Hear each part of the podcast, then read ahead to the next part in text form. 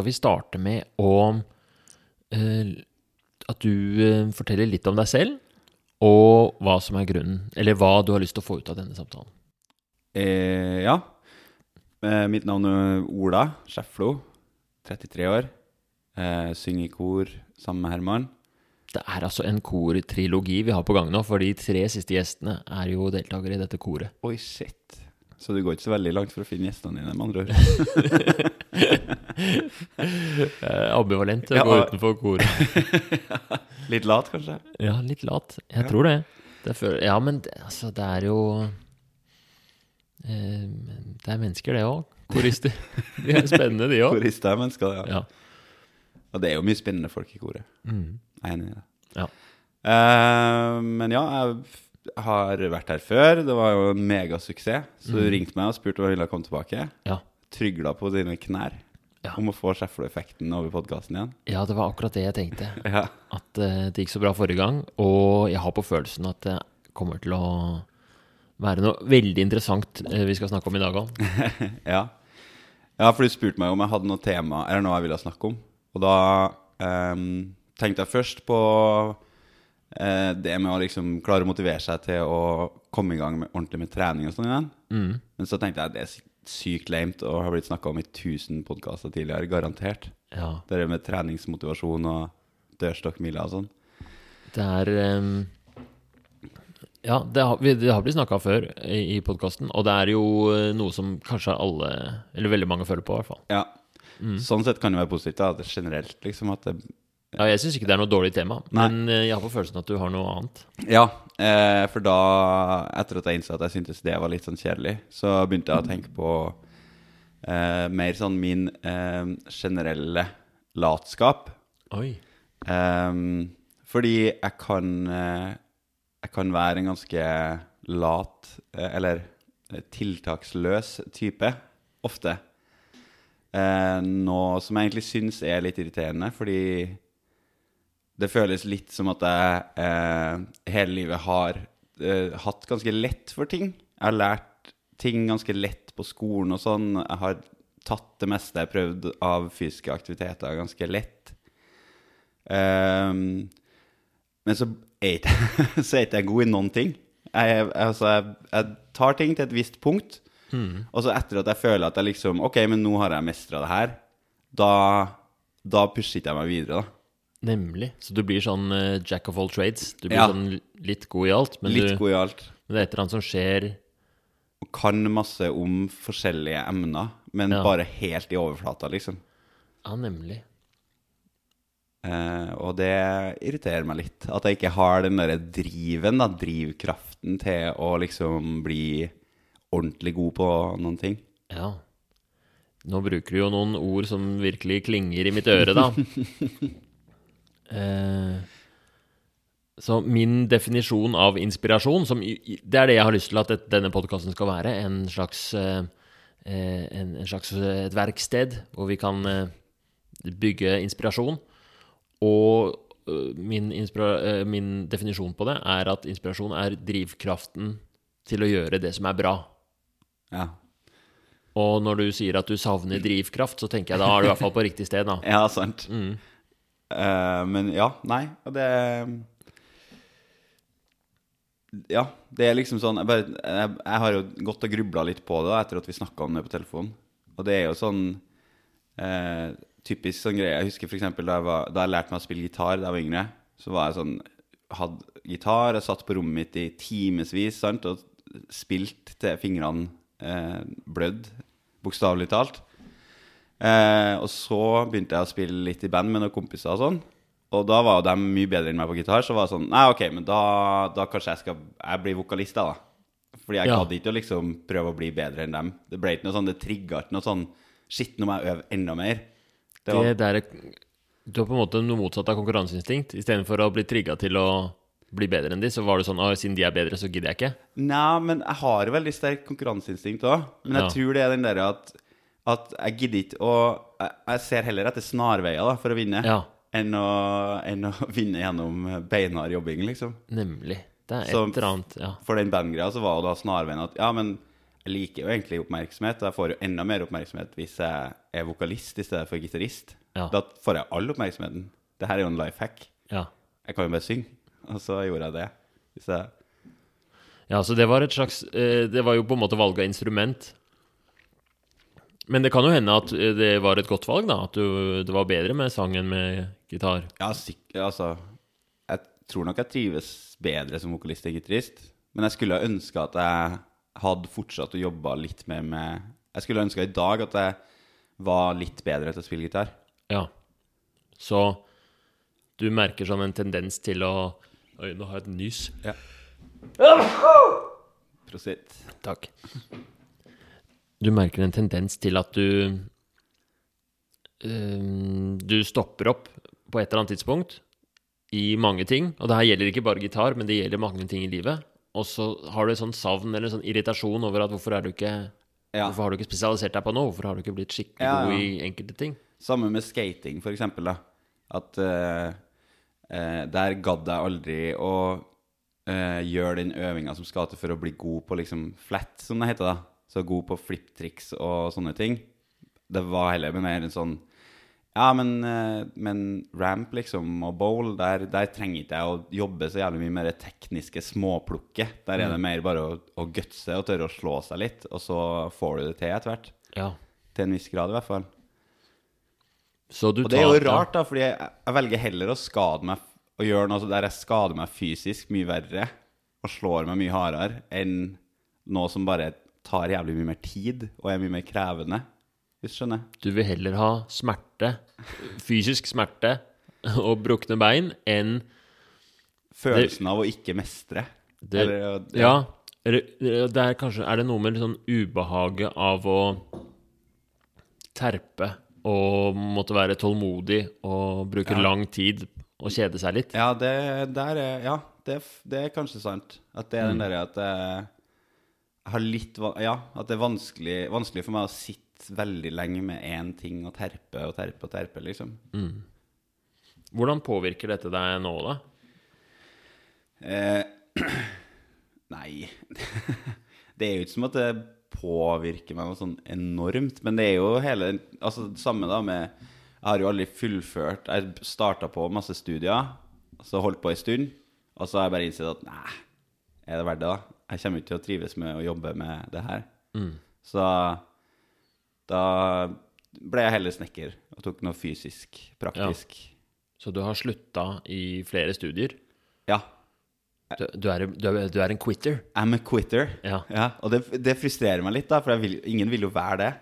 Men jeg er det. Interessant.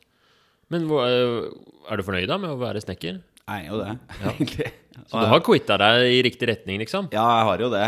Eh, for så vidt. Og ja, jeg, er veldig, jeg trives veldig nå. Nå har jeg liksom oppdaga eh, at scenografisnekring er en greie, og har funnet en ny verden der som jeg eh, Ja, og jeg er veldig fornøyd med det. At, man har, at jeg fant en vei inn i liksom kulturfeltet, men eh, fra et praktisk eh, utgangspunkt, da. Stilig. Ja, det høres jo fantastisk spennende ut, da. Eller når du snakker om det, så høres det jo som noe som er en god greie for deg. Ja, virkelig. Det, ja. Takk til Jesper Herning i koret, som tilfeldigvis uh, fikk meg inn i bransjen der. Er det sant? Ja, det var i fjor, da jeg satt og var, var permittert. Så tagga han meg en Facebook-status der det var noen som trengte en snekker. Og det viste seg å være eh, et produksjonsselskap da, som lagde en reklamefilm for OneCall. Jøss. Så etter det så har jeg bare frilansa og starta i fast stilling nå i januar. Wow, gratulerer. Takk. Så når det kommer til karriere og karrierevalg og sånt noe, så har dette med at du føler at du velger lette løsninger og sånt, noe, det, er ikke relevant der. Hvor er det, hva er det egentlig som er problemet, eller hva er det egentlig du vil? Ja, det er jo det jeg ikke veit helt, da. Ja. Jeg vil bare være Jeg har bare lyst til å være bedre på Ja. alt. Det er en eller annen sånn ambisjon i deg. Har du noe, hvis du skulle kommet med et eksempel, da? Hva er det liksom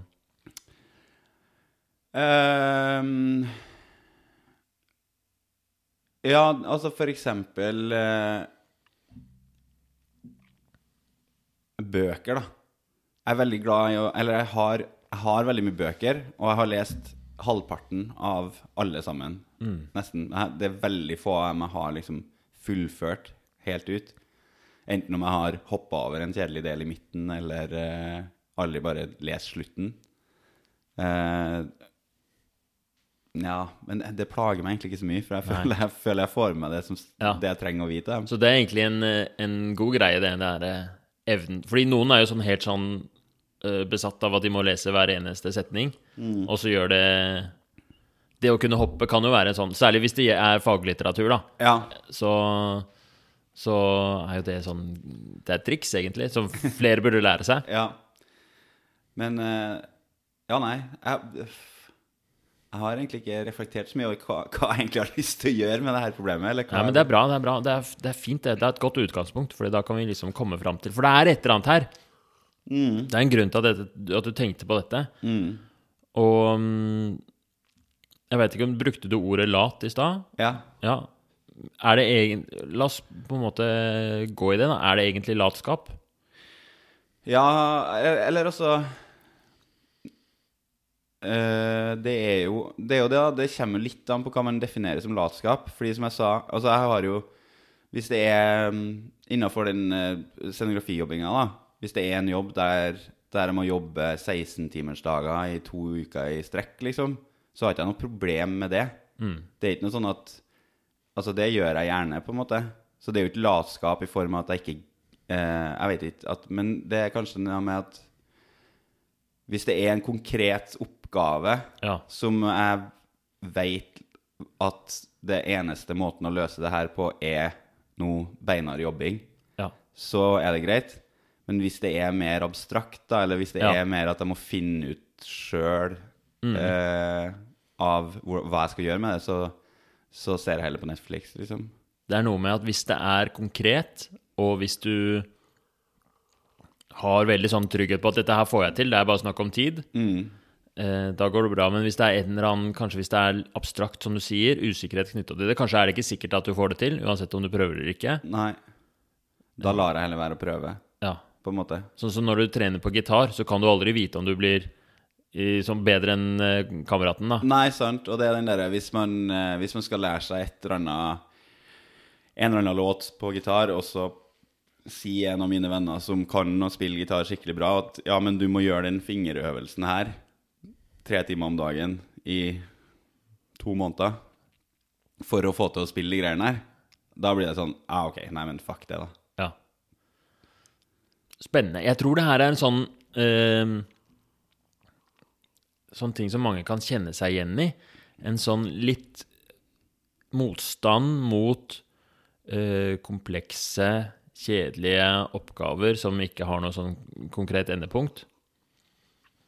Eh. Og så er det interessant at du hele tiden finner løsninger hvor du på en måte kan eh, Enten om det var på skolen, eller når det er når du kommer til å lese bøker, eller eh, karrierevei, at du finner løsninger som kompenserer for det.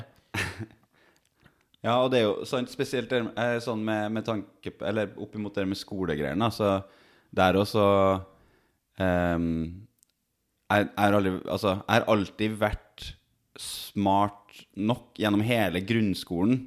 Så, så trengte jeg egentlig aldri å jobbe noe hardt. Jeg gjorde aldri lekser, jeg gjorde aldri noe sånn, og likevel så hadde jeg et helt greit karaktersnitt, liksom. Ja. Det var sånn ja, fire, fire og en halv, fire komma et eller annet.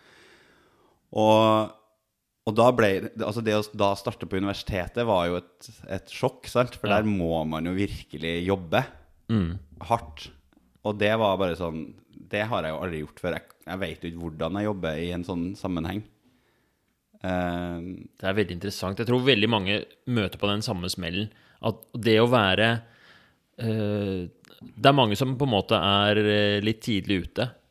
Ikke sant? I, i, på barneskolen og, og ungdomsskolen, og kanskje tar ting veldig lett. Og ender med å surfe gjennom barneskolen og ungdomsskolen. Og kanskje også videregående. Og man skulle jo tro at det er liksom en fordel. Se så, eh, da får man jo ofte høre Du fikk sikkert høre da du var liten at du har så mye potensial, og du er jo så flink, og ja, ja. at man får litt sånn identitet med at man er den flinke, og så kan man surfe gjennom. Men man lærer seg ikke egentlig den derre ferdigheten det er å jobbe med noe vanskelig over tid, da. Nei, sant. Så Og det å, å, å ha det i seg og bare For det er kanskje det jeg savner litt, da. At når jeg møter på sånne hindringer, at jeg da Fordi rasjonelt så klarer jeg jo å forstå at her er det bare å sette seg ned og jobbe. Men i stedet så bare utsetter jeg til det, til det er for seint, og så slutter jeg heller i stedet for å Ja. prøve å gjøre noe med det. Når var sist det skjedde hvor du liksom, som du er litt ergerlig over, da? Um, ja, det, altså Det er vel kanskje spesielt opp imot det med, med universitetsstudier, da. Ja. At jeg, jeg har på mange måter lyst til å studere mer, Ja. men eh, Men eh, Og jeg har fremdeles vurdert å bare ta enkeltemner, sånn at man liksom får lappa sammen en bachelor på et eller annet vis. Mm. Men, eh, men der og da, det er, jo- det er ikke som at jeg har sjekka ut aktivt hva jeg må gjøre for å, hvilke emner jeg eventuelt må studere. Ja. Eh, sånne ting. Det, blir en, det får bli med en idé, da. Ja. Det får bli med en idé, og det er Jeg merker på deg at du har liksom Temaet også er at når du, når du er liksom i Og når du tenker og drøfter, så er det veldig abstrakt. Og det er ikke noe sånn konkret. Med en gang det blir konkretisert, så blir det sånn Nei, men det er nok ikke Sånn som med treningen, da, ikke sant? Ja, ja. Nei, men det er kjedelig, det har noen folk prøvd før. Ja. At på en måte så, så er du, du er god på å reflektere og tenke, men å, å, å, å få det over og konkretisere ting selv, og gå liksom fra det abstrakte til det konkrete, det syns du er vanskelig. Ja. Men å få en konkret oppgave og utføre den, det syns du er lett. Ja. Da har du Ja, det er sant. Og det, ja, og det er noe som eh, Det er Eller sånn, for det er gjennom hele livet. Og altså Da jeg bodde i Trondheim, så hadde vi, da hadde vi et eget Da drev, var vi en gjeng som drev plateselskap og ga ut masse plater, arrangerte konserter og sånne ting. Og der også var det Og jeg, når jeg kjenner igjen det nå, da, at sånn gjennom hele livet så har jeg vært veldig avhengig av å ha andre personer rundt meg som har vært gode på å konkretisere ideer og finne ut hva vi må gjøre for å komme dit, og bla, bla, og Sånn der. Og så lenge noen andre gjør det, så kan jeg være en ressurs. Men hvis jeg selv må eh, ja, stå for den konkretiseringa, da skjer det ingenting. Ja, nemlig. Og i sånne situasjoner, hvis man er en gjeng som, som driver et eller annet foretak eller prosjekt, så funker det jo fint å ha hver sin, sin eh, Oppgave eller rolle. oppgave og spesialitet og rolle. Ja. Og så er det sånn at i livet så er det noen områder av livet hvor det ikke er så og, naturlig å samarbeide. Ja. Hvor man plutselig må stå for den konkretiseringa sjøl. ja. Og der ligger noe av problemet. Ja. Det har du lyst til å fikse. Ja. Det har jeg lyst til å bli bedre på. Lyst til å ta alle mine luftige tanker og ideer og klare å konkretisere hva er det, de, hva er det jeg egentlig vil med det. Hva har jeg lyst til å gjøre, og hvordan, hva må jeg gjøre for å gjøre det. Vi kan gå kjapt gjennom endringshjulet, eh, bare for å liksom prøve å illustrere. For det virker litt som du har kanskje en sånn, et sånt vanlig problem, da. Eh, endringshjulet er sånn at man ser for seg endring, eller å, og, Når jeg sier endring, så er det jo egentlig sånn eh, å, å utføre en endring. Så å- øve på gitar da kan være en sånn type Vi kaller det en endring i endringshjulet, men det er jo mer en sånn eh, En atferd, da. Og mm, hvis man skal liksom sette i gang med det, eller øhm, fortsette med det, så går det naturlig i psykologien til mennesker gjennom en visse faser. Det er føroverveielse, som er liksom at man går og bare ikke tenker på det bevisst. Men når du ser noen spille gitar, så, tenk, så kommer det litt sånn Ah, det hadde vært kult. Ja. Og der er man jo som regel hele tiden. Ja. Uh, og sånn er det jo kanskje med treningene også. At du har en sånn Du tenker ikke på det så ofte, og du har ikke noe spesiell plan, eller noe sånt, nå, men du har en sånn Av og til så trigges det en følelse av at å, shit, jeg burde Ja. å trene. Og når nyttårsaften kommer, så sannsynligvis så skjer det et eller annet der.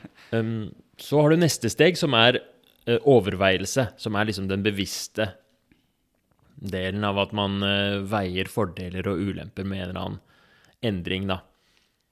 Eh, Så hvis du skulle hatt trening som eksempel, så er det nettopp det der å Hva er fordelen med å trene for meg? Hva er ulempene? Eh, Burde jeg gjøre det? Burde jeg ikke gjøre det? eh, og faktisk gjøre det bevisst. Og sånn som vi gjør det i, i, i, på denne podkasten, så, så tar vi ofte fram papir og lister opp fordeler og ulemper og gjør det veldig grundig. Mm. Så kommer selve Eller så kommer planleggingen, som er at man eh, legger Altså kjøper treningstøy, og man eh, setter seg mål, kanskje, og Og eh, kanskje finner ut av hvem man skal samarbeide med, alle sånne detaljer. Og så kommer selve handlinga. Ja. At man drar til eh, treningsstudio de gangene man har bestemt seg for. Ja. Og etter det så kommer tilbakefallsfasen, som er eh, det uunngåelige. I enhver endring så kommer det liksom eh, motstand. da. Ja. Det dukker opp problemer, det er vansker. Det er en grunn til at du ikke automatisk trener nå. Ikke sant? Kanskje så kommer februar, og så er det litt kjedelig. og Oi, det regner visst ute. Oi, det er jo noen dager i uka hvor jeg føler meg litt daff. Ja. Og der kan det jo hende at man ryker på tilbakefall. Og så er det da vedlikeholdsfasen. Så hvis du kommer deg gjennom tilbakefallsfasen, så er du liksom i vedlikeholdsfasen, og da er det mye lettere. Da er man liksom rundt. Da kan Ja. man begynne på neste. Det som er eh, Det er en modell for endring. Nå merker jeg at jeg har forelesning for deg, men eh, jeg er ja, men straks det er ferdig. interessant, det. Ja. Det som er eh, forholdsvis vanlig, særlig kanskje hos folk som har hatt det lett sånn eh, mestringsmessig i livet, ikke sant? hvis du har hatt det lett på skolen, det er at du får, noen, du får din egen versjon av endringshjulet. Fordi på skolen så var det sånn at det kom en idé om at ja, vi må løse denne oppgaven her. Og du trengte kanskje ikke å overveie og Akkurat sånn løse oppgaver er litt annerledes, da, men la, vi bare tar det for eksempel. Du trengte kanskje ikke å overveie så mye, planlegge så mye. Det er jo der på en måte som er jobbinga. Du Ja. kunne gå rett på handlinga, og så smukk. Ferdig. Så du trener deg litt til at hvis du hvis det, Og, og jeg, jeg, jeg tipper du er en ganske sånn fleksibel fyr òg, ganske åpen for nye ideer. Ganske rask til å svinge deg rundt. Hvis det dukker opp en krise på jobben, så er du en sånn som takler det. Er det riktig? Ja, det stemmer. Ja. Tilpasningsdyktig. Tilpasningsdyktig. Så du er ganske rask fra, liksom, fra triggeren kommer, føreroverbevegelse, så kan du egentlig hoppe over planlegging og hoppe over overveielse. Du får en sånn følelse av at dette er en god idé, gå rett i gang og jobbe. Hvis det kommer noen utfordringer, så tar du de på strak arm, osv. Og så du, din, ditt endringshjul er egentlig føreoverveielse, rett til handling, og så skjer jo det at uh, verden blir jo mer kompleks enn den eh, var som liten. Så når du gjør en eller annen endring som du tror skal være lett, fordi det er det du er vant til, så møter du på tilbakefall, motgang, og så får du ikke til de endringene. Så får du en sånn manglende mestringsfølelse, som vi kan sanse litt av. ikke sant? Du har Mm. du fikk ikke til å full... Du irriterer deg. Jeg klarte ikke å gjøre det med gitar. Jeg, klarte... jeg er en sånn som ikke får til flat eh, skating. Ja, ja. Ikke sant? Jeg, jeg gir opp, og så sier du 'jeg er en quitter'. Det var Ja. jeg som sa du var en quitter. men, men du ja, men er det er enig. den følelsen. Ja, ja, ja. Og det igjen skaper en sånn der motstand mot endring generelt, og hard, jobb, og hard jobbing. Den derre Du får så mye erfaringer med, at, med tilbakefall at det å endre seg, eller det å Det å fullføre prosjektet blir etter hvert liksom noe som Det blir en litt sånn ond spiral. Mm. Gir det mening? Ja. Ja. Vi kanskje vi kan legge ut det der endringshjulet på den gruppa. ja. Det var ganske interessant. Ja, Jeg har aldri hørt ja. om det før. Ja, Men, nei, det er, eh, det er dritsmart. Fordi det viser jo også hva som er løsningen på problemet. da. Ja, ja. Og det er å eh, Hvis man ser for seg liksom den derre eh, Den snarveien du har gått mellom føroverveielse, at liksom ting er ubevisst, til handling, den, den må vi tette litt igjen. Mm. Også den muren som står av motstand mellom føreoverveielse og overveielse og planlegging, de tingene som liksom ah, det er så kjedelig, ja. det må man klare å bryte ned da, med noen sånne derre eh, og, og, og prøve å få til, få til eksempler, få til erfaringer med at det fungerte godt, da. ja. Så det er em, Det er en slags eh, eh, Det er en slags rute man kan gå. Ja. Så egentlig så burde jeg bare pugge det der endringshjulet, og så Lære meg å leve mer Pugge endringshjulet. Det ville være det mest naturlige for en sånn abstrakt hjerne som deg, som trives i, å, i teorier og modeller, ikke Ja. sant?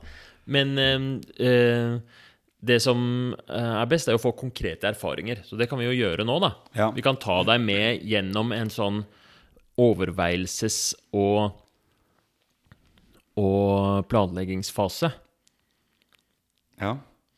Fordi det som um, en, Kanskje den viktigste tingen som hjelper for å uh, bygge ned den der motstanden mot å vurdere, er at man blir flinkere til å si Eller man får erfaring at det, er at det er lov å si nei til en eller annen endring. Ja. Em, så i hvert fall når jeg har pasienter som, som har veldig mye motstand, og de kommer og liksom åh, nå må vi snakke om Eller de røyker, da, så er det naturlig at det er en røykesluttsamtale, f.eks. Ja, ja. så liker jeg å, å legge fram at det er ikke sikkert du skal slutte å røyke. Det er ikke sikkert du skal begynne å trene. Det, her, det må liksom være opp til deg, da. ja, ja. At bare fordi ting er fornuftig, bare fordi samfunnet syns at du skal gjøre det, så betyr ikke det at du skal gjøre det. Nei. Merker du allerede nå at det føles lettere å f.eks. snakke om trening? Ja, ja. Ehm, hva Hvis vi bare tar en liten sånn steg tilbake nå, da, nå, føler jeg at jeg har snakket mye om vi er ehm, for Vi må finne ut av hvor vi skal gå videre i samtalen. ja. Ehm, har du noen tanker om det, eller har du, får du noen ideer nå? Altså Ja, men, men altså, det, eh, det virker jo tydelig at vi må, vi må finne et eller annet konkret som jeg har lyst til å Til å endre Eller som jeg har motivasjon til å endre. Et eller annet, En konkret oppgave som jeg kan bruke som eksempel på at jeg blir bedre på å bruke det endringshjulet. En slags modell som du kan liksom se sånn Ok, det er sånn man gjør Sånn at seinere, hvis du har lyst til å studere, da, Ja. så kan du se ok, men da kan vi bruke Da jeg eh, begynte med crossfit, så gjorde jeg sånn, sånn, sånn, sånn. sånn. Ja. Hvor mange sjanser er det for at du skal mange prosent sjanse er det for at du skal begynne med crossfit? Uh, nei er, å, Rundt 10 sjanse, kanskje. ja. ja. Men så, uh, uh, ja. Nei, det, det, er, det er jo litt tricky. Du skal bare Ok. jeg skal bare kle av meg en Ja, genser her. den er grei. Jeg trodde du Ja, ja, ja det, avslutta podkasten. det er tricky. Da går vi hjem. um, nei, jeg, jeg begynte å bli varm i trøya. Det er det som skjer. Ja, ja, skjønner. Um, Det går også an Altså, en um, Dette her er på en måte en spesifikk form for mestringstillit, da. Uh, en sånn yes, um, følelse av at man klarer å sette seg mål og gjøre den der kjedelige jobben og gjennomføre det. Og det er en sånn fantastisk ehm, Hvis man har den mestringstilliten, den, det er en fantastisk både egenskap og ressurs i livet. For den, det vil gjøre det mye lettere å, å velge seg endringer og gjøre ting seinere, da. Det er på en måte det du er ute etter, har jeg følelsen av. ja. Den eh, Den, eh, den derre eh, Den mestringstilliten der. Så den kan man eh, En måte å øke den er jo å liksom sette seg sånne små Ta sånne Vi fortsetter med sånn som du er god på, da. Ta lavthengende frukter, men å gjøre det liksom i riktig I riktig rekkefølge. i riktig rekkefølge. Men man kan også eh, En sånn veldig viktig øvelse som vi har med pasientene som, Det er mange av pasientene som har helt sånn bunnskrapt mestringstillit. At 'jeg har prøvd alt, jeg får ikke til noen ting'. ikke sant? Ja. Og den øvelsen vi ofte gjør da, er å snakke oss gjennom noen sånne eh, Jeg spør liksom ja, men har du, Kan vi snakke om en gang tidligere hvor du fikk til et eller annet som var vanskelig? eller noe sånt noe? Ja. Så sier de alltid sånn Ja, men jeg har aldri fått til det. er en. Men eh, de fleste kommer fram til noen sånne historier hvor de har, hvor de har mestret noe som, som, eh, som var kjedelig eller vanskelig, eller at de har liksom klart å gjøre endringer. Og bare det, i å gå gjennom de historiene og sette det i liksom et perspektiv, gjør at vi øker mestringstilliten vår. Fordi hjernen vår er skapt for å huske de gangene man driter seg ut, og de gangene man gjør feil, og de gangene man slutter på noe, og de gangene man slår opp med dama, og så angrer man etterpå. Ja. Og men, man husker ikke de um, gangene man har gjort det riktig. For det er ikke så viktig, for det er ikke noe å lære av, ikke sant. Nei, sant. Men det er faktisk viktig. Hjernen vår er litt dum. Den burde huske de tingene bedre, fordi da blir den mye mer får en bedre mestringstillit, mer endringsvillig. Ja. Så skal vi gjøre det. Hva, hva skal vi gjøre? Skal vi gå gjennom liksom stories? Eller skal vi ta for oss en konkret endring og, og, og, og dykke den, liksom? Um, ja, men altså kan ikke vi Jeg tenkte på Fordi Altså, det, det med treninga, da. Det er jo noe jeg har skikkelig lyst til å komme i gang med. Mm. Ja. Og det er noe jeg har vært god til å gjøre før. Ja. Som jeg bare ikke Altså, den dørstokkmila er så jævlig lang nå. Fantastisk. Eh, Da har vi jo tema, da. ja. Da ble det trening likevel, da. Det ble det. Hele den derre he, Sykt unødvendig lang intro. Ja, det var en prokrastinering. Ja, det var det. Ja. Men det er nettopp Det er jo en form for motstand. Det der, Fordi du hadde lyst til å gjøre noe med trening, det var viktig for deg. Men fordi trening innebærer mye mm, Det er vanskelig og kjedelig, og du har liksom trent deg eh, Og du er altså Med den personlighetstypen vi har snakket om, da, Ja. som jeg også kjenner meg igjen i, by the way, bare så Ja. det er sagt, så finner hjernen din på et eller annet sånn derre Abstrakt. en prokrastinering, ikke sant? Ja, ja. Nei, men trening, vet du hva? Vi stopper det. Vi går heller inn i dette konseptet som er at jeg er muligens litt lat. Og det mye, føles mye tryggere å snakke om. Ja, ja. Så da kommer vi til poenget, da. Ja. Fortell mer om hva du vil med trening, da. Hva hadde vært eh, Hva er drømmen der? Uh, nei, altså jeg har ikke noe Altså det er jo selvfølgelig uh, det rent overfladiske, at man har lyst til å, å se ok ut. Uh, men det er òg bare rett og slett jeg, Som sagt, jeg er 33, og man begynner å komme i den alderen der eh, vedlikehold er ganske nødvendig, på en måte. Man begynner å kjenne på sånne vondter i kroppen. Og jeg, gidder ikke at det skal starte allerede, på en måte. Det. Eh, det vil jeg gjerne unngå. Ja. Så det er både sånn Du føler deg litt sånn ikke helt i toppform og vondter, men du vil også se bra ut og kosmetisk trening. Ja, nei, altså, det er ikke så viktig. Jeg, vil være, jeg har lyst til å være sterk, på en måte. Ja. Eh, det er ikke så viktig å ha sixpack og sånne ting, Ja. men eh, at, at man har en, en god styrke, da. Eh, og det er jo sant Jeg, jeg har jo jeg, som, jeg, jeg kan Jeg har vært flink til å trene før. Eh, men det har bare Jeg tror kanskje under covid så bare gikk jeg inn i en eh, Ja, jeg gikk i en direkte depresjon, for jeg syntes ikke det var så jævlig kjipt, egentlig. Men det ble veldig lett å bare Ja. sitte på sofaen da, og Det- se Netflix eller spille PlayStation. Det var eh, Sånn var det for veldig mange. Ja, det tror jeg. Så det, så det, det gir mening. Og hva- slags trening var det du drev med før? Eh, ganske bredt. Både styrke og lø Jeg har løpt mye. Mm. Eh, jeg har, eh, har løpt maraton to ganger, Yes. eh, som krevde veldig mye trening.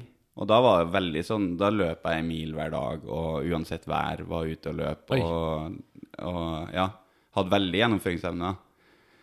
Men eh, Og, og har òg vært, vært god på liksom sånn egenvektstrening og sånn eh, Hva heter det? Uh, ja. Calisthenics. Calisthenics. ja. Var det det du Stemmer. tenkte på? Ja, Ja. ja. det var det. Jeg så scenen. Du holdt på å si ja. Ja, men så var jeg usikker på om det Ja. var riktig ord, så jeg Ja, trakk meg. Ja. det, men det er jo interessant. Du har um, Det er en typisk sånn historie som er viktig å trekke fra. Altså, den må gå litt mer og dykke i akkurat den med uh, Hvordan hadde det seg at du havna der at du plutselig løp en mil om dagen? Ja, det var jo fordi vi var tre kompiser som hadde bestemt oss for å løpe et maraton, og hadde meldt oss på. Uh, så da, da Da hadde vi den Da var den datoen der. Og jeg visste at de andre Jeg ville jo ikke være noe dårligere enn de andre tre. Jeg ville ikke være han ene som, som backa ut. Så Og da, ja, det var ikke så sykt lang tid igjen til Vi meldte oss på rett før jul, og det maratonet var i mai eller noe sånt. Så da, da måtte man jo bare begynne å løpe, da. Ja. Og jeg tror jeg hørte på en eller annen podkast om løping her nå, der det var liksom med Kelly DeWalter, som er sånn ultramaratonløper. ultramaratonløper. Og hun, hun, spr hun springer liksom et maraton om dagen. Og, og bortsett fra det, så, så spiser hun litt sånn hva hun vil, og, og drikker hva hun vil, og følger ikke noe sånn spesielt regime utafor det at hun bare tvinger kroppen til å gjennomføre det hver dag, da. Det høres jo helt ekstremt ut. men Ja, det er jo mm. veldig ekstremt. Men jeg tenkte liksom at ja, men det kan jo være eh, Det er jo ikke usannsynlig at jeg skal klare å springe én mil hver dag. Det tar jo under en time å springe en mil. Så det er ikke sånn at det tar så utrolig lang tid. Og hvis det da er nok til at Og selvfølgelig så hadde man noen lengre løp av og til, og sånn, men hvis det er nok til at jeg da slipper å gjøre så veldig mye endringer i livet ellers Fordi jeg gidder ikke eh, sånn kostholdsgreier og ikke drikke alkohol og sånne ting. Det, det er helt, helt urealistisk Ja. at jeg skal gidde. Ja. Så da, ja, da måtte jeg finne en snarvei da, som var bare tyne gjennom den mila hver dag. Shit. Så det, og det gjorde du i en periode på noen måneder, og Ja, altså ikke hver eneste dag, selvfølgelig, men eh, at det i hvert fall lå på sånn 50 km i uka cirka, da. det er jo helt fantastisk. Hvordan føles det å, å gå Eller hva var det som gjorde at du klarte det? Vi, vi har jo vært innom litt, da. Du har du, du tok til deg inspirasjon og informasjon fra eksperter, og hørte på podkaster og tok liksom inn eh, Leste deg litt opp, da, på en måte. Ja. Du hadde et konkret ting som du trente til, så var det maratonet. Ja. Og så hadde du kompiser eh, som du gjorde det her prosjektet sammen med. Ja. Og så Og så tror jeg jo faktisk at det helt på ordentlig var en del av grunnen til at jeg klarte å gjøre det, var fordi at det, det, det var egentlig en ganske sånn eh, kjip periode i livet. Jeg var ganske deprimert. Eh, så da ble det òg en, en litt sånn flukt fra, Å ja. fra depresjonen, da. Og, for det er jo veldig meditativt å løpe langt. Ja. Hvis du har, har en bra spilleliste og eh, du, du, det eneste du fokuserer på, er å fortsette å løpe i, i 50 minutter, liksom. Veldig interessant. Det overrasker meg at du sier at du, sier at du blir mer motivert Fordi sånn er det ikke vanligvis, da. Folk som er deprimerte, blir mindre motiverte til å løpe.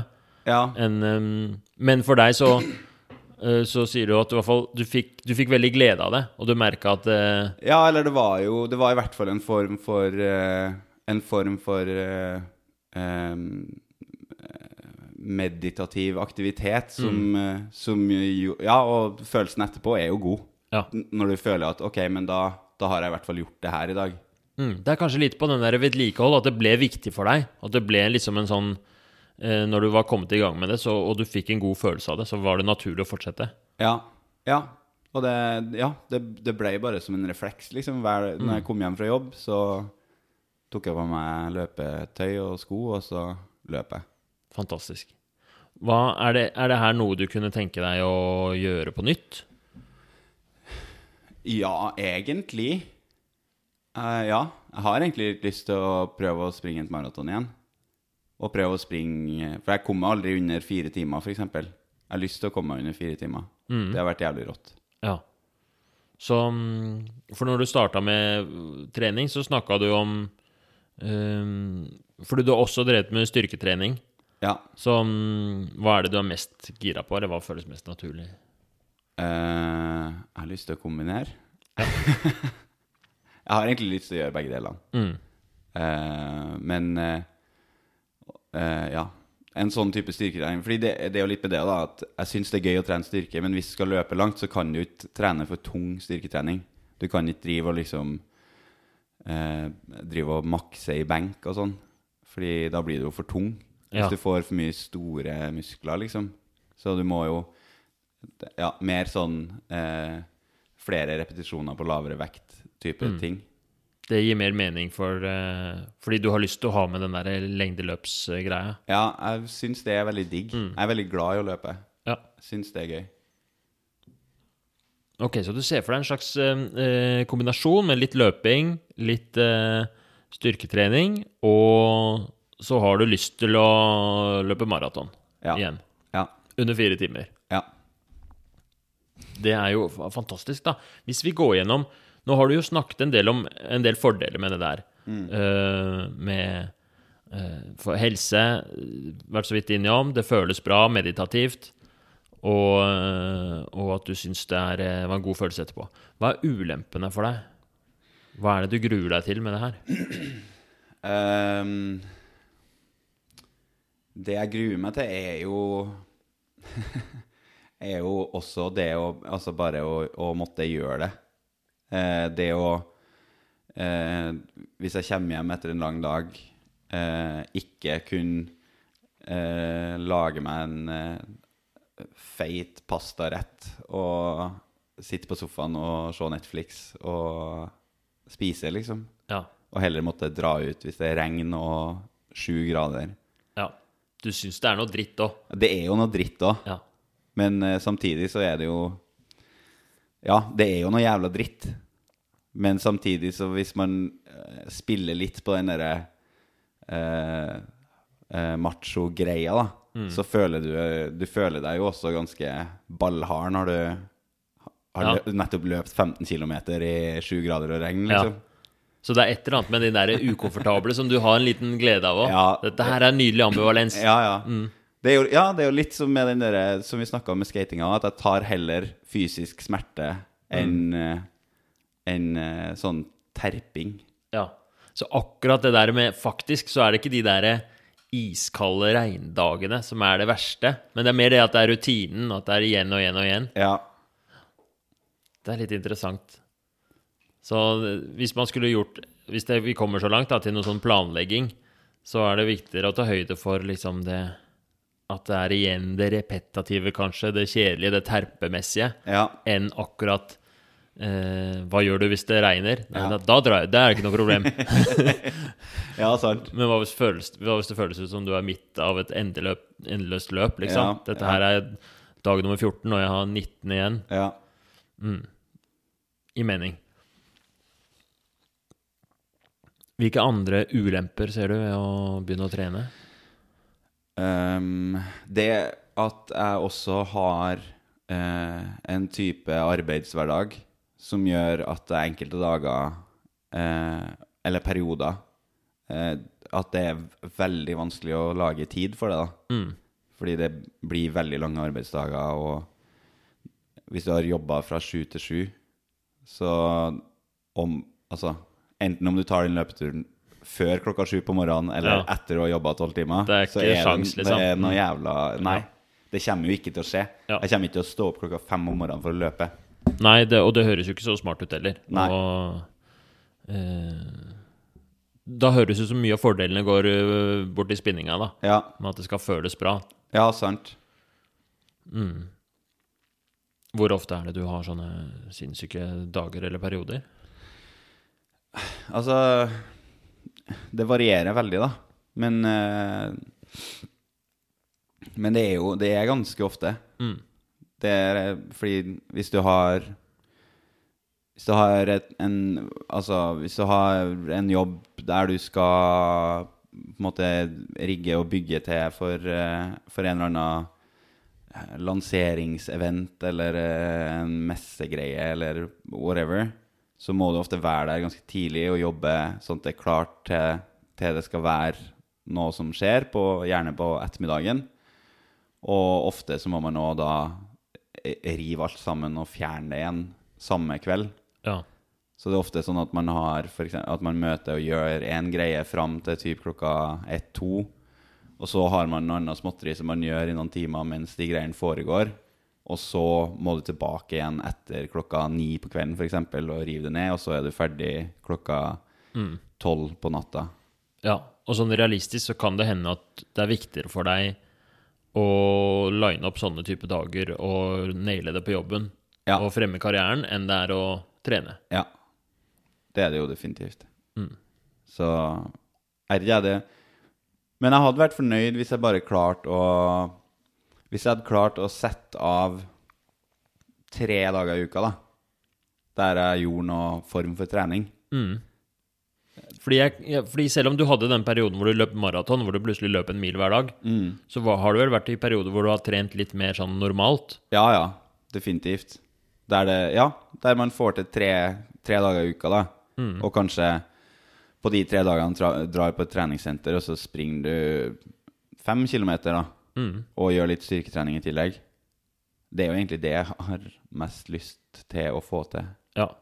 Det, så, så da går det an å, å kombinere det med jobb, hvis det er en litt sånn moderat Ja. Men det er jo det at det tar så jævlig lang tid, da. Det Ja. går fort to timer hvis du skal få trent ordentlig, liksom. Mm. Og to timer, det er mye tid. Ja. Det er, det er en sånn ulempe med hvordan hjernen vår fungerer, for vi husker veldig godt hvordan vi var. Du husker den der Jeg trente jo hver dag, Ja, ja. men du husker ikke sånn oppladningen og ofringen du gjorde for å få til det. Nei. Og det er jo liksom piken Og det, av en Ja. Og så er det jo Altså, det var jo veldig jeg, På den tida var jeg jo singel, så Ja. det var på en måte ikke noen andre som Mens nå har jeg jo en samboer som, også- som jeg òg har lyst til å, til å tilbringe tid med. Mm. Har det um, Sånn når det gjelder akkurat trening, da, så er det Er det sånn i hvert fall som jeg må gjøre med alle pasientene, fordi man får litt sånn øh, Jeg vet ikke hvorfor det er Kanskje det, hvordan trening fremstilles, eller synet samfunnet har på det. Men ofte så blir treningsplanene veldig ambisiøse. Blir akkurat sånn som du sier, da. Eller man skal, liksom, man skal, jeg skal løpe og trene tre ganger i uka. Ja. Og ofte så går man jo fra null, eller fra en gang i måneden, liksom. Ja. Og at det er um, um, Det er et eller annet med sånn veldig optimisme i Vesten at, Ja. eh, at, uh, at det er planen. Hvis man ser på hvordan de gjør det i Asia, ja. så er det jo mer litt sånn Mr. Miyagi-stil. Du får ikke lov å røde, Du får ikke lov å sparke på en boksesekk før du har uh, vaska bil i et år, ikke sant? Nei, sant. Du kan, hvis du skal bli eh, sushikokk, så du rører ikke en fisk Nei. før utpå tredje året. Nei. Første året er koke, nei, vaske kokekar, og andre året er å koke ris. Ja. Um, Ja, så, men ja. Ja, og det, og det er jo en sånn greie som jeg har tenkt på. da At det er sånn, ja, men kanskje jeg, Hva hvis jeg bare starter med å ta Med å sørge for at jeg i hvert fall tar liksom 20 pushups og 50 situps og to minutter med planke hver dag. Det hadde jo vært en bra start, og sånn som er mulig å få til i løpet av 20 minutter på stuegulvet. Eh, men jeg har aldri gjort det. ja. Men Det det, er, ja det, men det hørtes jo også kjempemye ut. Hørtes ut som en veldig tung økt. Selv om det tar 20 minutter, så er det jo ekstremt intenst. Kjempekjedelig. Og hver eneste dag igjen, ikke sant? Ja, ja. Så Men det går på det samme. Det er at vi alltid så ender jeg opp med å måtte halvere pasientens ambisjon. ja. Eh, Det sier jeg til alle sånn når jeg har eh, undervisning med medisinstudenter òg. Det er sånn Det må vi bare, rett og slett. ja. Så i dette tilfellet så er det jo forskjell på Forskjell på å liksom sette i gang Fordi jeg, jeg tror du har en veldig En hjerne som er veldig sånn flink til å se Se hvordan ting henger sammen. Og du ser at hvis du gjør det der hver dag i lang tid, så ser du resultatene, og det er fristende for deg. ja. Så for deg er det, gir det veldig mening å gjøre ting hver dag, og sette folk ting i systemer og sånt noe. ja. Mens å ha én treningsøkt, det, er liksom, det gir ikke så mye mening for deg. Nei. Og eh, på en måte så er det jo smart å, å kunne tenke sånn systemisk, men jeg tror det går også litt imot deg. At det, det skaper også litt sånn ambisiøse, veldig langsiktige ting, da. Ja, det er kanskje sant. Og den derre at uh, uh, Ja, at Det er litt Ja, at hvis man ikke Hvis man ikke kan Hvis jeg ikke får til å gjøre det ordentlig, så gir jeg heller faen i å gjøre Ikke det. sant? Det blir en perfeksjonisme, på en måte. Ja. Ja, sant. Eller sånn ja, veldig hårete mål, da. Mm. Som egentlig De målene er helt uoppnåelige, på en måte. Mm. Det er i hvert fall en sånn tankegang i medisin, det med at mål skal være eh, oppnåelige og realistiske og tidsbestemte og sånn. Og det er litt Jeg har litt sånn blanda følelse på det. For det er, det, jeg syns det skal være plass til de hårete målene, for det er en verdi i det også. Um, men, men i hvert fall det å, å Å gjøre det tidsbestemt, da. Så hvis når du liksom eh, Du tenker liksom på hver dag og så, Jeg har på følelsen at du tenker hele neste år, liksom. Eller uendelig. Ja, jeg gjør jo det. Ja. Mens eh, hva hadde vært en naturlig, eller en, en overkommelig, dritenkel, men allikevel litt bra plan for ut desember, eksempel? Ja. Ja. Det er jo veldig kort igjen, da. Ja, det, det er for kort for deg. Det var irriterende. Ja. Så det her, hvis vi går tilbake helt til den der endringssirkelen, da, Ja. så er det mm, Det er en sånn tanke om at man skal ta en beslutning en gang, og så kan man aldri deale med beslutninger igjen. Ikke sant? Du skal bestemme deg for trener eller ikke nå, Ja. og så har du, så har du evigvarende plan. ja. Men det går an å stykke det opp, ikke sant? At du Nå skal du bestemme deg for hvordan trening skal bli ut året, og 2022-planen, den legger vi ikke ennå engang. Nei. Og jeg merker at du vrir deg. Du hater det. Det her går skikkelig mot Det går mot det du virkelig vil. Ja, ja. Jeg tror vi er onto something her. Jeg tror denne reaksjonen der, som er sånn overraskende, den tror jeg henger sammen med hele det vi har snakket om. Ja, kanskje. Men det, ja, men det blir litt sånn det fordi Ja, det byr meg veldig imot da å liksom legge en plan som bare varer i Det er jo, det er jo faen meg bare ei uke igjen av året, liksom. Det er ei uke fram i tid. Det er jo ingenting. Ja, det er ingenting. Så Men samtidig så er livet er bare sånne uker også. Ja, det, det er sant, det. Apropos Mr. Miyagi. Ja. Ikke sant? Det er um, Det er det samme som Det er grunnen til at man ikke Hvis man bare klarer å ta beslutninger som er veldig store, og handler om å legge planer for ting som er veldig stort, da blir livet sånn at man starter på studier og slutter på dem fordi det var feil, ikke sant? Ja. Og så klarer man ikke å snekre sammen de fagene til en bachelor fordi det blir for lite, liksom. Mm. Jeg vet ikke om det ga mening, men eh, Litt. Men eh, ja. Nei, og det er jo sant, da, at det er jo det jeg for, Eller jeg skjønner, jeg skjønner poenget med at det kan ha større verdi å legge mindre og kort, mer kortsiktige planer, og heller da faktisk klare å gjennomføre det, og at man får den mestringa. Eh, og så heller ta med seg det videre til neste uke, hvor man igjen prøver å legge inn litt annet, eller noen, enda litt mer, da. Og så på den måten bygge en langsiktig endring. Men eh, jeg merker for min del at det er veldig At det er vanskelig At det føles som en sånn eh, Men det der er sånn tullegreier som folk som ikke egentlig vil det, sier til seg sjøl. mm. At jeg blir litt sånn Det føles litt sånn Ja. Hvis du skulle gå med på at det var tidsbestemt, da, hvor lang tid kunne du gått med på? Eller hvor kort tid, mener jeg? Hvis vi kan forandre det her. Ehm, ja Et halvt år, da. Hvis vi sier ut januar. Ut januar. En og en halv måned. Det er jo ikke en og en halv måned, det er en måned og ei uke. Det er en måned og ti dager. Ja, ok.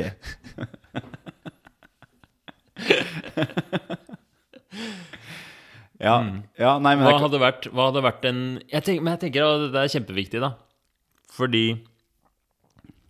Fordi det som er oppgaven her nå, er fordi du går rett på um, Du går rett på endepunktet, ikke sant? Du gjør, hopper i endringshjulet. Og du tenker sånn Ja, men det jeg vil ha, er dette, dette, dette, dette. Ja. Da holder det ikke med en uke. Da skjer ingenting. Nei. Mens eh, det vi er ute etter, eller det jeg er ute etter i, i podkasten, er jo å være et inspirasjonsverksted. Ja. Og for at du skal liksom ha tettere kontakt med din inspirasjon, drivkraften som driver deg til å gjøre det som er bra, som du sier du savner litt, så uh, er vi inne på liksom Vi må lære oss å beherske endringshjulet, og lære oss um, å bygge en slags sånn mestringstillit. ja. Og om du trener eller ikke, er liksom, det blir et resultat av alt det her. Ja. Men i første omgang så er det liksom mestringstillit og endringshjul som er eh, oppgaven å jobbe med. Ja. Og det kan man, er like stor effekt, større, av å gjøre på en uke enn, liksom, eh, enn på et halvt år. Ja. For da får du flere repetisjoner. ja. Jeg, jeg kan følge den logikken. For, er du med på logikken? Ja, ja. Hva syns du om den? Det gir jo mening. Hvorfor det? Eh, Fordi, altså, det er jo Selvfølgelig eh, Selvfølgelig er det enklere og, og mer konkret og, og, og mer synlig da, for en selv hvis du har en, en kortere periode med mer oppnåelige mål enn, som du sier, den der abstrakte, langt fram i tid, eh, kjempemål-greia. Jeg, jeg forstår logikken bak det. Eh, men, eh, men eh, jeg veit ikke jeg, Den der perfekte løsningen er så fristende, da. Ja, den sant. evige, den der ja. bare bryteren du kan skru på, så er alt løst. Ja, sant. Og det, ja, det er vel litt det, da, at uh, eh, At, eh, at jeg, jeg, jeg, jeg klarer ikke helt å tro på det, hvis du skjønner. Mm. Så hjernen syns at dette her er logisk og fornuftig, Ja. og så føler du det ikke helt. Nei, nettopp. It's not in my heart. Ja. Men jeg, eh, ja, men jeg syns òg det er interessant, da. Det er jo, jeg har aldri reflektert over at det eh, At det kanskje er noe av, av greia mi her. Nettopp det at, uh, at jeg legger meg sånne kjempeluftige, store planer, eh, og så går jeg uh, veldig lite inn i de små praktiske detaljene som eh, må på plass for å få gjennomført det. Så Så jeg er jo jeg er enig i at det er en god idé å kanskje bare ta ut året i første omgang, da. Ja. Du er enig i at det er en god idé. Du føler det ikke helt, men du har liksom litt tillit til at ja, kanskje dette er noe. Ja. Kanskje dette er noe. Kanskje vet Herman bedre enn meg. Men bare kanskje. Bare kanskje. Ja. Nei, men supert. Um, vi renner litt Tiden går litt, løper litt fra oss her nå. Ja. Mørket faller på Ja. i studio. Det er faen meg solsnu i dag. Er det det? Ja. Ah, fantastisk. Så i morgen blir det en litt lysere dag Åh, enn i det er så deilig å høre. Ja. Jeg fikk nettopp vite at min Jeg skal jo skrive bok, Ja. og jeg hadde kjøpt tur til Thailand Ja. for å skrive bok. Ja. Og i dag kom det beskjed om at Thailand har selvfølgelig fordi Norge har jo masse smitte, innført eh, reiserestriksjon. Så hvis jeg skal til Thailand, så må jeg en uke i karantene der borte. Og det tror kanskje jeg ikke det Hvor lenge skal du være der, da? Det var to uker, da. Ja, nei. Du kan jo ikke være en uke. Men hvis målet er bare å skrive Det er et godt poeng. Men da får du mer skriving gjort hvis du må sitte på et hotellrom med aircondition og 30 grader ute, enn her. Ikke sant? Jeg vet ikke. Nei. La oss oppsummere denne samtalen her, da. Ja. Vi har eh, snakket om deg og fått et innblikk i Det var liksom starta litt diffust. Det var et eller annet som gnagde deg, som handla om drivkraft, handla om å slutte med ting, ikke fullføre. Som jo har positive og negative sider, kommer vi fram til. Og så har vi snakket om trening som et eksempel på hvordan du kan eh, konkretisere dette med liksom hvordan kan man bli flink til å, å beherske endring, beherske liksom det å konkretisere og faktisk jobbe med ting, da. Som for deg og mange andre begavede eh, barn eh, ble noe man ikke lærte seg. Jeg vil helst ikke bli kalt et begava barn. Du er et begavet barn, Ola. Nei, men Nei, men ja. Og det er jo Jeg føler Det er vel kanskje litt med det at grunnen til at det med trening og sånn er et så populært tema, er jo fordi det er jo i bunn og grunn en veldig konkret livsendring livsendring som alle skjønner at man burde gjøre, men som det er vanskelig å, å ha, ha mm, Ja. Ha noe kontinuitet i, da. Ja. Det er eh, Jeg kunne gjerne hatt en podkast som bare var eh, motiverende intervju om trening. Jeg syns Ja, det er kjempespennende og gøy. Ja. Og det betyr så mye så for folk. Og på så forskjellige måter. Ja. Men jeg tenker du kan gjøre litt eh, hva du vil med det her. Altså mm, Vi skal avslutte med at du liksom Du kan jo Nå har du fått et slags um, Du har jo egentlig fått et råd, da. ja. om at um, en uh, for, Fordi for, for mange så er nøkkelen til å liksom beherske uh, endring også, også, Som er så tett knytta til inspirasjon, det er å øve seg på å konkretisere og lære seg å, å, å gjøre skitne løsninger denne uka istedenfor perfekte løsninger som varer for evig, som er, som er abstrakte. ja. Um, hvordan er det når du er på snekkersettet, liksom? Hva mener du? Klarer du å gjøre skitne løsninger som Ja, altså Der er jo, altså der er jo målet veldig konkret, da. mm, Altså, du vet nøyaktig hvordan det skal se ut. mm, Og spesielt når det er snakk om scenografi og sånn, og ikke direkte bygging av hus, mm, så er det jo eh, Det eneste som teller, er jo hvordan det ser ut. Ja. Det teller ingenting hvordan du har gjort det, eller altså at det skal at det skal bære huset i 60 år. Ja. Det er bare Det her trenger å se bra ut nå i Ja. seks timer mens det blir filma. Så om du bruker uh, teip eller binders eller Ja, ja. spiker, liksom, har ikke Whatever. noe å si. Ingenting. Så lenge du får det til å se bra ut. Så, så der er det jo veldig sånn Mm. Hvordan skal vi løse det her? Jo, vi, vi, må, vi, må vi må bare gjøre noe nå. Fordi det, de skal begynne å filme snart. Bruk Kanskje det er det at den derre Din evne til å liksom være på liksom her og nå, det, det bruker du så mye i jobben, så den, den savner litt den derre den der filosofiske delen av deg har liksom har veldig mye energi da i resten av livet. At, ja, at jeg ikke får brukt min filosofiske side nok, tenker du? Ja, kanskje. Eller at uh, det er naturlig for deg å liksom Å tenke etter andre løsninger. For du, du er jo også en veldig kreativ person, veit jeg. Så du, det er naturlig for deg å liksom Hvis, hvis dette har funka i tolv timer på jobb, Ja. så samme metodikken Ja. er sånn kjedelig å bruke hjemme òg, selv om det er den beste. ja, ja. Ja. Det er kanskje litt det. Anyways, hva har du lyst hva, hvordan, ser, hva, hvordan tror du La oss bare gjøre en prediction. Hvordan tror du uh, det neste, de neste ti dagene blir? Uh, og gjerne da med tanke på trening. Jeg tror at jeg uh, kommer til å være veldig inspirert eh, når jeg kommer hjem i dag. Jeg kommer kanskje til å eh, trene litt i dag og i morgen. Og så tror jeg jeg kommer til å droppe det. Ja. Da har du to dager.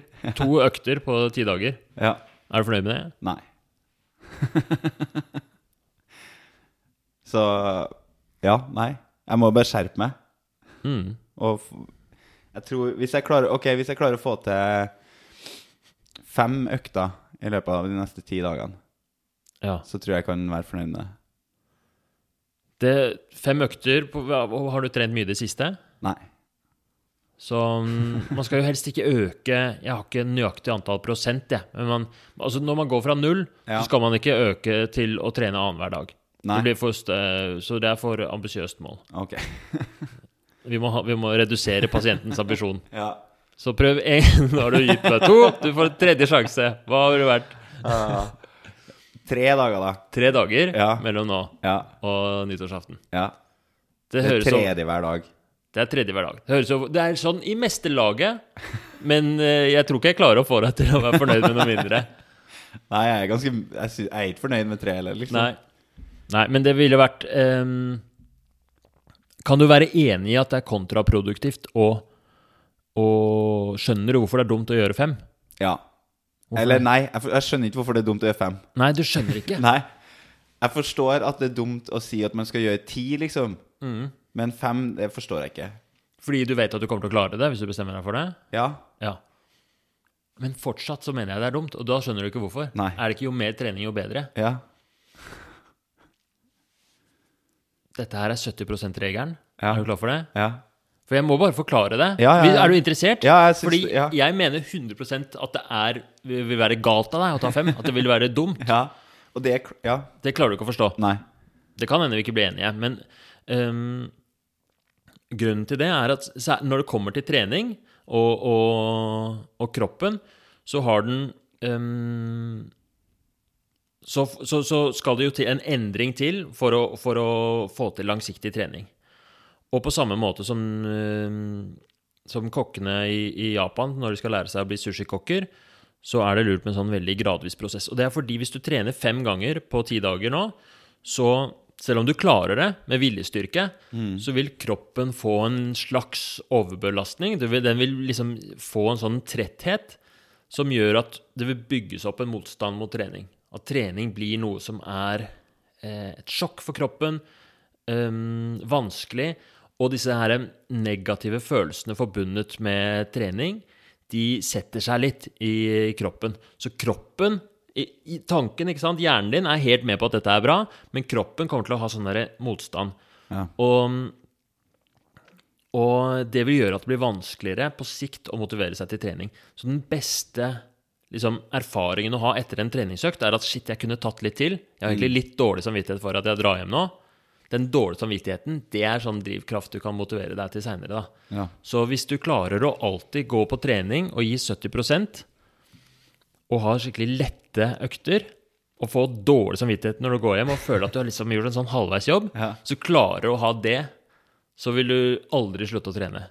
Men med en gang du har den derre sinnssyke økta hvor du er helt utmatta og bare kjenner blodsmak i munnen, som jeg ser for meg at du liker litt når du får det, for du, da øker du sjansen for at um, kroppen vil streike, og at du vil drite i det neste gang. Da. Ja. Og det er det samme med sånn hver dag-tankegang. ikke sant? At hvis, selv om at man tenker at det er, eh, det er bedre å trene hver dag enn ikke, fordi da blir du fortere sterk, så vil kroppen til slutt gjøre et opprør mot det, og så Ja. sette en stopper for det. Så hvis du klarer å begrense deg til tre, og holde det igjen, så er det sånn, så er den kampen mellom kroppen og hjernen da, blir mer at ja, men kroppen, jeg vil, jeg vil mer, ikke sant? Jeg har Ja. mer å gå på. Og hjernen holder tilbake, og så svipper du motstanden, og så blir du eh, så, så på en måte blir du en mer sånn naturlig inspirasjon for å trene, istedenfor den der selvdisiplinen for å trene. ja. Dette eh, ga det mening. Jeg følte at jeg Ja, det- forklarte det rundt omkring, men, jo, men eh, det, ga, det gir jo Det gir mening. mm, Jeg kan, jeg kan gå med Jeg kan være med på den. du kan være med på den. Du På kan, den, du kan altså- se at det er Det kan være noe der som kan være fornuftig. Ja. Definitivt. Og så har du jo erfaring med din egen kropp, og du har tidligere trent ganske ekstremt, løpt en mil om dagen og sånt noe, så for deg så Selv om kroppen din nå ikke er vant til det i det hele tatt, men for hodet ditt så føles det veldig puslete å ta ja. tre småøkter. Du har ikke lyst til å innrømme for deg selv at du ikke er i så god form som Nei, du det, Nei, det er kanskje det. Mm. At det Ja. Mm. Men dette er ditt liv, du kan gjøre akkurat som du vil. Og Men du er jo min mentor. Jeg vil jo gjøre Ja. Jeg vil jo øh, oppfylle dine ønsker. Ja, det er, det er ikke mine ønsker, men jeg har i hvert fall eh, på en måte presentert det jeg kan om uh, Ut ifra det jeg har lært av å ha alle disse samtalene, og også eh, lært mye om trening gjennom studiet og med pasienter og sånt nå, så er i hvert fall dette her det beste jeg har å gi, da. Ja. Og hvordan du bruker det, det velger du helt selv. Og det kan jo hende eh, du finner en måte å trene fem ganger som gir deg masse glede å drive gjennom det nye året. Og mm, jeg Det eneste jeg vil, er at du skal gå ut herfra litt inspirert. Da er jeg fornøyd. ja. Jeg er ganske inspirert. Er du det? Ja, jeg er det. Hvordan kjennes det ut? Jo, bra. Jeg har, eh, har lyst til å, til å trene. Så merkelig. Hadde du det før du kom? Nei, egentlig ikke. Før jeg kom, så det var nesten sånn at jeg var sånn Åh, faen, jeg angrer på det. Jeg sa ja til Herman. Mm. Jeg har lyst til å dra hjem og ligge på sofaen. Ja. Det kommer jeg sikkert til å gjøre da, men kanskje Ja, ja. jeg trener i morgen. Det kan hende. Ja. Vi får se. Ja. Nå har du i hvert fall eh, Jeg har klart å forhandle deg til to ekstra dager på sofaen. ja. Ja, men bra. Tusen takk for at du stilte opp. Det ble en veldig gøy samtale. Ja. Koste meg. Det var en sånn, Vi måtte liksom krige oss fra et sånt abstrakt landskap inn i sånn der, eh, Ja. konkrete bakgård. Ja. Men der fikk vi en skikkelig batalje, og det var gøy. Ja, ja. Jeg, føl, jeg følte Jeg jeg var litt skuffa. Jeg følte det, at det ikke ble så konkret som jeg skulle ønska, den samtalen. Men eh, det er jo som du sier, det var interessante Det var en veldig interessant reise. Men hva var det skuffa over? Det skjønte jeg ikke. Nei, at jeg, altså jeg følte liksom at det ble litt sånn At vi ikke Vi klarte ikke helt å, å uh, gripe tak i hva som egentlig var uh, problemet, eller problemstillinga. Det kan hende det er et eller annet som ligger og lurer her, da. Så da kan vi jo ta en ny prat. Ja. Hvis, vi, hvis du kommer nærmere til hva er det ja. Eh, Hva er det det handler om? Kanskje jeg finner meg sjøl nå gjennom latskapstreninga di. Ja. ja, Ja, ja, Latskapstreninga mi. Det likte jeg. Det skal, jeg- skal skrive en ny bok når jeg er ferdig med det her. Det skal hete Latskapstrening. Og fantastisk! Aldri pushe deg. Aldri pushe deg. Du skal ha dårlig samvittighet Ja. hver dag. ja, det mener jeg. Det hadde vært den beste boka. Ja. Ok, Ikke stjel den ideen. Jeg har én bok å skrive, folkens, før det. Men så kommer latskapstrening eh, av eh, Egenberg. doktor Egenberg og, og Ola Skjæflo. Hold dere fast. Ok, nå har vi ikke tid til mer. Ha det bra. Ha det.